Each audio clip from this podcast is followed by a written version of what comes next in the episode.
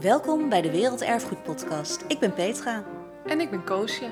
Namens Stichting Werelderfgoed Nederland en de Nederlandse UNESCO-commissie vertellen wij alles over werelderfgoed. Wist je dat er wereldwijd ruim 1100 plekken zijn die zich werelderfgoed mogen noemen? Tien daarvan bevinden zich in het Koninkrijk der Nederlanden. In deze podcast beantwoorden we vragen en vertellen we de verhalen over deze bijzondere plekken. Ontdek het erfgoed van de wereld. Je hebt geen paspoort nodig.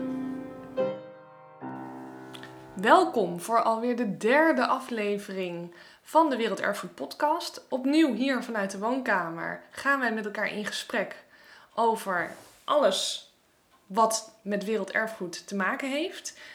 Eh, vorige keer spraken wij met Wendy Schutte van de Kolonie van Weldadigheid over hoe word je werelderfgoed en wat is, hoe ziet die weg naar werelderfgoed eruit. Ja, en inmiddels weten we dat de vergadering die uh, is uitgesteld, de Werelderfgoedvergadering, en dat uh, het comité in juni, juli volgend jaar opnieuw samenkomt. En dan zal de kolonie van weldadigheid samen met de uitbreiding van de stelling van Amsterdam, en met de Nieuw-Hollandse Waterlinie en de Limes ter tafel komen.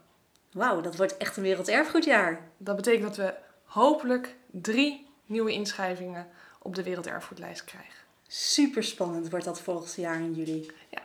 En nu gaan we het heel specifiek hebben over hè, hoe behoud je het werelderfgoed. Want het is één ding om dus ingeschreven te worden op de lijst. Maar het is nog een heel ander verhaal om op de lijst te blijven. Want dat is gewoon heel erg hard werken. En... Kan je dat een beetje zien als een Michelinster? Je hebt een restaurant, maar je moet nog steeds blijven koken. Het is nog niet gedaan als je Michelinster hebt gehad. Nou, ik denk dat je het zeker zo kan zien. Ehm, het betekent namelijk dat je ontzettend veel ingrediënten nodig hebt om te zorgen dat dag in dag uit dat erfgoed in de juiste staat blijft. dat die uitzonderlijke waarden behouden blijven. Maar ook dat bijvoorbeeld dreigende aspecten, eh, zoals bijvoorbeeld klimaatzaken of uh, hevige regenval, droogte, maar ook de druk van uh, bezoekers. Um, of juist hele praktische zaken als uh, bezoekerscentra, parkeerplaatsen, sanitair. Dat al die zaken die van invloed kunnen zijn op dat dagelijkse behoud en beheer in orde zijn. Nou ja, dat kan alleen maar als je hele goede mensen ter plaatse hebt die dus uh, ja, letterlijk hun werk ervan hebben gemaakt om dat erfgoed te beschermen.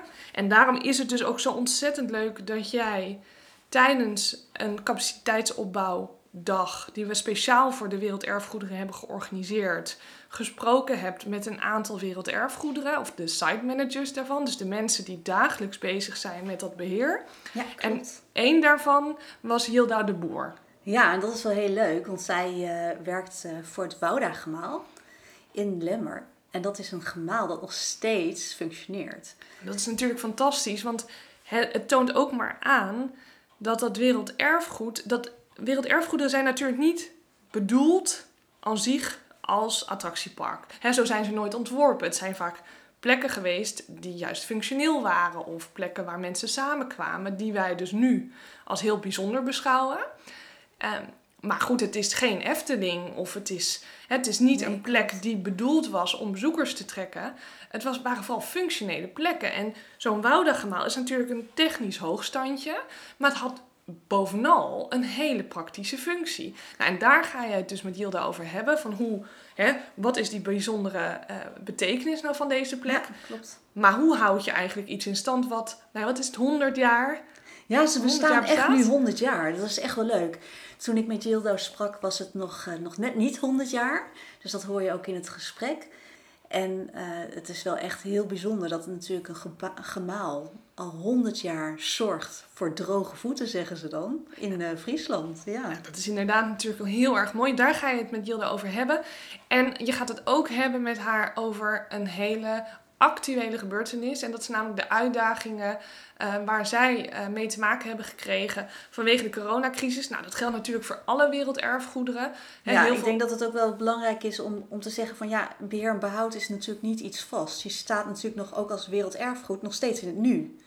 En dat houdt in dat je soms ook uh, ja, moet dealen met, met zaken die rondom je gebeuren. Zoals bij ons nu met de coronapandemie ja, dan moet je wel wat mee doen. Dan dat, dat heeft wel effect op je beheer en behoud. Ja, en het is dan op, ook wel eh, fascinerend om te weten van dat um, toen in het voorjaar van dit jaar hè, die coronacrisis eigenlijk startte, of echt de impact mhm. heel erg voelbaar was, was ruim 90% van alle werelderfgoederen wereldwijd gesloten. Nou, dat is natuurlijk iets wat we nog nooit hebben meegemaakt. Dat op zo'n grote schaal um, deze plekken uh, totaal afgesloten waren van de bezoekers.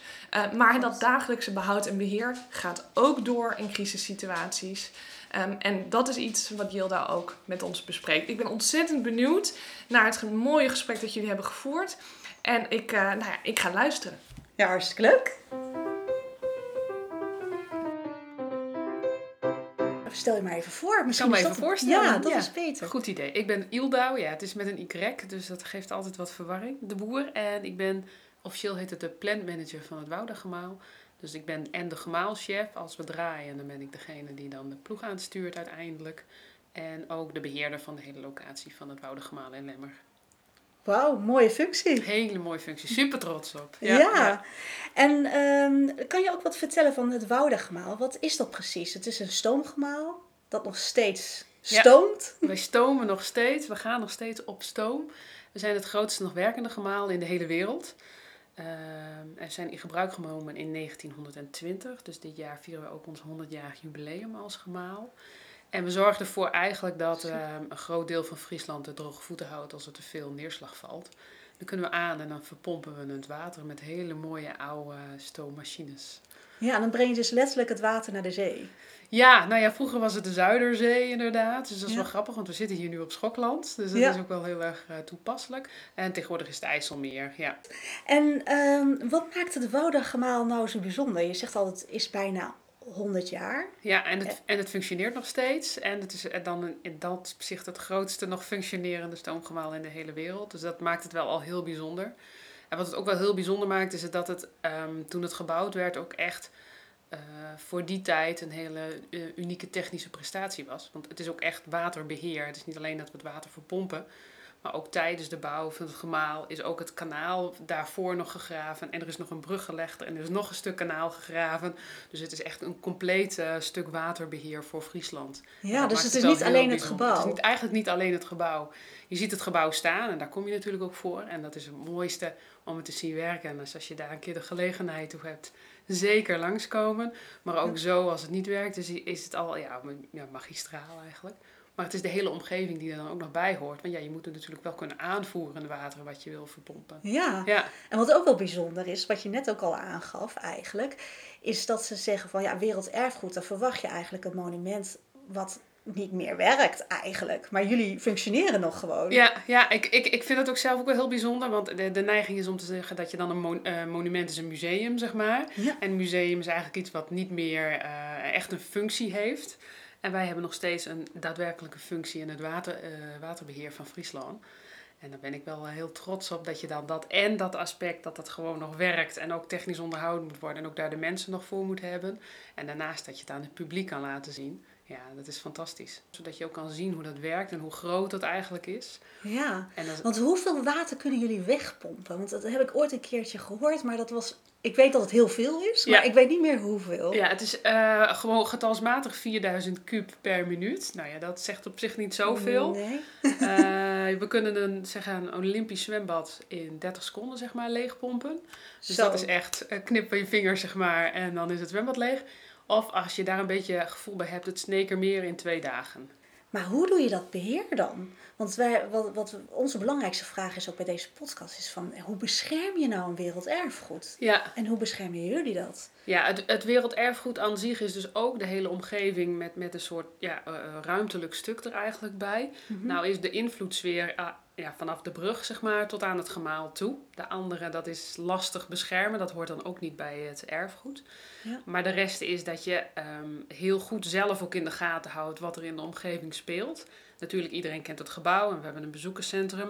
En we hebben tegenwoordig ook twee dienstwoningen die we hebben betrokken bij uh, nou, de hele locatie.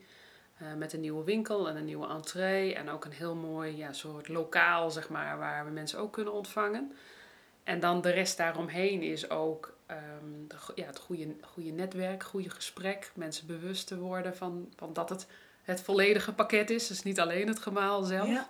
Want zelfs bij het wetterskip heeft niet iedereen dat in de gaten. Dat je ook het parkeerplek moet onderhouden en zo. Dat, dat alles daar inderdaad gewoon bij hoort. Ja, ja. en, maar ook de zichtlijn naar het gemaal toe. Dat dat ook gewoon, uh, ja, dat kanaal is gegraven. Dus dat hoort ook gewoon bij eigenlijk het monument. En je loopt er ook echt langs, Een recht kanaal is, zeg maar. Ja, je hebt de gemaalweg die er dan langs loopt. Dus dat, alles hoort erbij. En dat, ja, je bent er zelf bij om dat goed in de gaten te houden. Ja.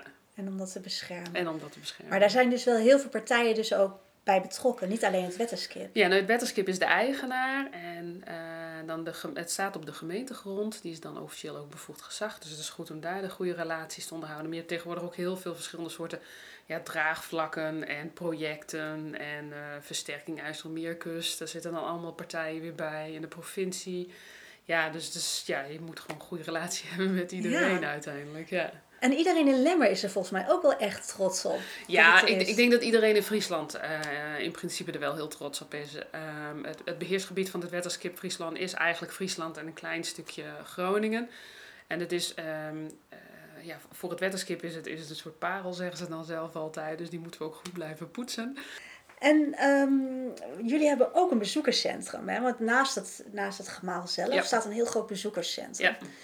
Maar uh, wat is de rol nog meer van zo'n centrum? Uh, ja, het centrum is origineel gebouwd omdat uh, als je werelderfgoed bent, dan heb je de verplichting om je erfgoed open te stellen voor publiek eigenlijk. Dus dan kan je mhm. zelf wel invullen in hoeverre je dan mensen ook daadwerkelijk toelaat. Maar je moet in ieder geval het publiek kennis laten maken met je erfgoed. Ja. En het gemaal is toen het erfgoed werd gelijk opengesteld voor publiek. Dus er kunnen gewoon bezoekers komen. En op een gegeven moment loop je tegen zulke aantallen aan dat het niet meer gewoon behapbaar is met je doet de voordeur open en mensen kunnen er doorheen. Dus er zijn vrijwilligers die doen de rondleiding en dat is een hele grote ploeg, dat is al meer dan 100 man. Dan heb je ook eh, faciliteiten nodig. Mensen willen even koffie kunnen drinken. Dus in uh, nee, zeg maar 2010, 2011 is het bezoekerscentrum gebouwd zodat we die publieksfunctie ook ja, op een fatsoenlijke manier kunnen uh, uitdragen. Want anders dan moeten mensen uh, ja, uh, weer naar Lemmer toe zelf. We liggen net iets buiten Lemmer om naar de wc te kunnen of koffie te drinken. Ja. ja. dat, dat wil je eigenlijk niet. Je wil ook gewoon dat zelf kunnen aanbieden. Ja. ja, klopt. En jullie hebben nu ook een nieuwe beleving. Ja, ja. Wat houdt dat precies in? Dat is ehm, tijdens de, de bouw zeg maar, van, het, van het bezoekerscentrum is daar een, een expositie neergezet. En daarin uh, wordt heel veel verteld. En dat hebben we nu in een fris jasje gestoken. Ook uh, over het waterbeheer, ook nu met de, nou ja, de problemen rond uh, klimaat. uitdagingen die er ook in Nederland zijn kunnen we dan aangeven ook wat vanuit het wetterskip we, mooi vinden om als boodschap aan mensen mee te geven. Nou ja, wat kan je zelf doen? Ja. En op die manier proberen we dat dan ook, ook met het gemaal en, en de omgeving onder de aandacht te brengen van het publiek. Ja, dus het gaat iets verder dan alleen het gemaal laten zien, maar ook vertellen over. Ja, waarom die daar staat uiteindelijk. Hè? Van wat, wat, wat is de functie van het gemaal in, in het hele waterbeheer en hoe ziet Nederland eruit en waarom moeten we überhaupt het water wegpompen? wij weten eigenlijk wel allemaal dat Nederland onder water ligt. Maar als je dan Friesland ziet en de boezem, zoals ze dat noemen, waar dan dat water zich in verzamelt.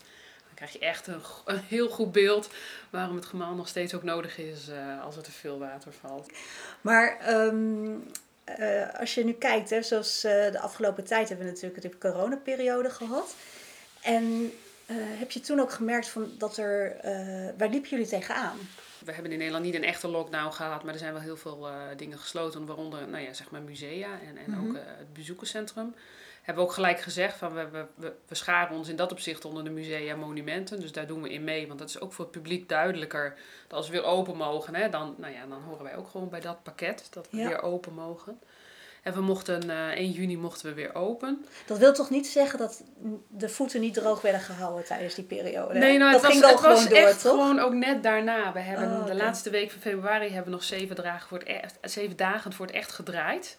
Zijn we dicht geweest, hebben we heel hard nagedacht met het team. Ja, hoe gaan we dit nu oppakken als we weer open mogen? Nou ja, ook omdat we vrijwilligers hebben die wel, uh, ja, wel in de risicogroepen horen, hebben eerst gezegd, nou dan gaan we wel open. Maar dan doen we geen rondleidingen, want dat hoort standaard bij ons in het mhm. pakket. Maar dat doen we dan nu niet. En wat hield dat dan in, open zijn? Alleen het bezoekerscentrum was open? Ja, nee, maar ook het gemaal zelf. Alleen dan konden mensen er zelf doorheen lopen. Dus omdat je dan uh, normaal rondleidingen doet met groepen, dan voorkom je nu de groepsvorming en de mhm. vrijwilligers zijn wat meer beschermd. Oké. Eh, en kregen ze wel informatie? Hadden ze dan een uh, koptelefoontje op of zo? Ja, ja, we hebben een extra audio, of, of ja, het, was, het is eigenlijk een soort internettour. Die op een mhm. webpagina kan je die lezen. En de vrijwilligers zelf stonden dan op flinke afstand uh, nog wel bereikbaar voor vragen eventueel of dingen uit te leggen. En dat ging eigenlijk wel heel mooi. Alleen je merkt dan op een gegeven moment dat mensen dan toch de neiging hebben om weer samen te klitten. Omdat iemand iets staat te vertellen. Dus dan krijg je toch weer die groepsvorming. Dus dat hebben we vrij snel gezegd. Nou, dan doen we groepjes. Wel met rondleidingen, maar dan proberen we dat zo beperkt mogelijk te houden. Okay. En, en, wat dat gaat goed? dat gaat hartstikke goed. Ja, dat doen we nog steeds. Dus dat zal ook wel voorlopig nog wel zo blijven voordat we een uh, vaccin hebben. En wat de verplichting is, is dat je overal moet reserveren voor alle nou ja, musea, bioscopen, uh, waar je dan ook naartoe wil, restaurants eigenlijk Dus dat doen jullie bij jullie ook zo? Dus dat is bij ons ook zo. Ja, en dat, dat zorgt nog wel eens voor wat uh, uitdagingen ook met bezoekers. Want uh, ja, dat zijn ook mensen die niet altijd even handig zijn met internet of met wifi of op de camping zitten en dan zo even aankomen. Maar over het algemeen gaat het super. Iedereen is heel begripvol. En als er een keer geen plek is, nou, dan komen ze de volgende dag nog een keertje kijken. Oh, wat goed. ja, dat is heel fijn. En uh, het reserveren heeft wel als voordeel dat we nu wat minder pieken hebben in de bezoekersaantallen. Dus je kan ook beter plannen met je personeel. We kunnen beter plannen. Het is mooi gespreid over de dag. Dus iedereen heeft ook voldoende aandacht uh, voor iedereen. Dus ja, dat levert dan ook wel weer een voordeel op eigenlijk. Zo'n crisis. Ja. ja. ja. En Hildo, je bent net begonnen eigenlijk. Hè? Nog niet zo lang uh. Nou, een jaar zeg maar nu, ja. ja. En waar ben je nou het meest trots op? Uh, ja, dan, dan, dan, dan klimt de techneut in mij uh, weer naar boven. En dat is ja. gewoon dat uh, ja, het, het gemaal al 100 jaar oud is. nog steeds eigenlijk gewoon in superstaat is. en op het moment dat we aan moeten ook gewoon standpeden aan kunnen. Ja, daar ben ik dus echt het, het meest trots op. Dat gewoon de technisch... Dat vroeger zulke knappe koppen dit bedacht hebben. Je hoort het nu ook nog wel van de mhm. technische bedrijven ook. Dat ze zeggen, ja, dan zit er een pomp in die is zo ingenieus gemaakt dat kunnen ze eigenlijk nu niet eens meer maken. Dat is de kennis die is niet uh, daadwerkelijk meer aanwezig. Uh, zouden ze dat willen, ja, om dat zeg maar na te maken. Dus ja, dat vind ik dan, de, ja, dus, dus het stukje techniek is dan de, waar ik het meest Ja, daar mag je zeker trots op zijn. Ja. Hey, heel erg bedankt voor dit gesprek. Ja, graag gedaan. En uh, ja, om uit te leggen en alles. Dankjewel. Ja, gaaf. Kom kijken. Ga ik doen. Mag weer, want uh, vanaf vandaag mogen we opnieuw uh, musea, uh, theaters, bioscopen, maar ook werelderfgoeden bezoeken. Ja, dus... zeker. Hartstikke leuk om daar weer gewoon, om gewoon weer overal te kunnen kijken. Ja, we moeten natuurlijk ons wel houden aan de richtlijnen, maar ik denk dat het ook wel goed is om, om weer wat nieuwe energie en wat nieuwe impulsen te krijgen en zoiets moois te bewonderen. Ja, en ook vooral onze support te laten zien aan al die nou, beheerders die dus ook in deze toch wat complexe en soms uh, moeilijke tijden ervoor zorgen uh, dat dat erfgoed blijft voortbestaan. Soms zijn we ook ontzettend dankbaar voor, want het is niet altijd makkelijk. En dat heeft Hilda denk ik ook geschetst, de, de uitdagingen die er zijn. Um, nou, dat was vandaag de podcast. Maar we gaan natuurlijk ook een kijkje nemen naar de volgende aflevering. We hebben er weer eentje klaarstaan. En die gaat over het behoud en beheer, maar met een heel ander thema namelijk klimaat en duurzaamheid. En dat is natuurlijk ook iets. Werelderfgoed is misschien oud, maar heel veel werelderfgoederen zijn ook heel vooruitstrevend. En dat zien we onder andere in de manier waarop ze innoveren. En ook op een manier waarop ze dus duurzaam proberen te zijn. Ja. En dan hebben we het onder andere gesprekken met de Stelling van Amsterdam. Ja, onwijs leuk om dat te zien. Want ja, ik denk dat wat je zegt, is klopt precies eigenlijk. Je hebt beheer en behoud. Maar het is altijd beheer en behoud. Er zit zoveel onder. En, uh, en de stelling van Amsterdam is denk ik wel een heel mooi pareltje om te laten zien wat je allemaal kan doen qua duurzaamheid. Nou, ik zeg, we gaan ervoor zitten. En uh, we hopen iedereen thuis in goede gezondheid uh, weer te kunnen ontvangen uh, via deze podcast. En ik zou zeggen voor iedereen nu hele fijne dagen. En tot de volgende keer. Ja, tot de volgende keer. Tot ziens allemaal.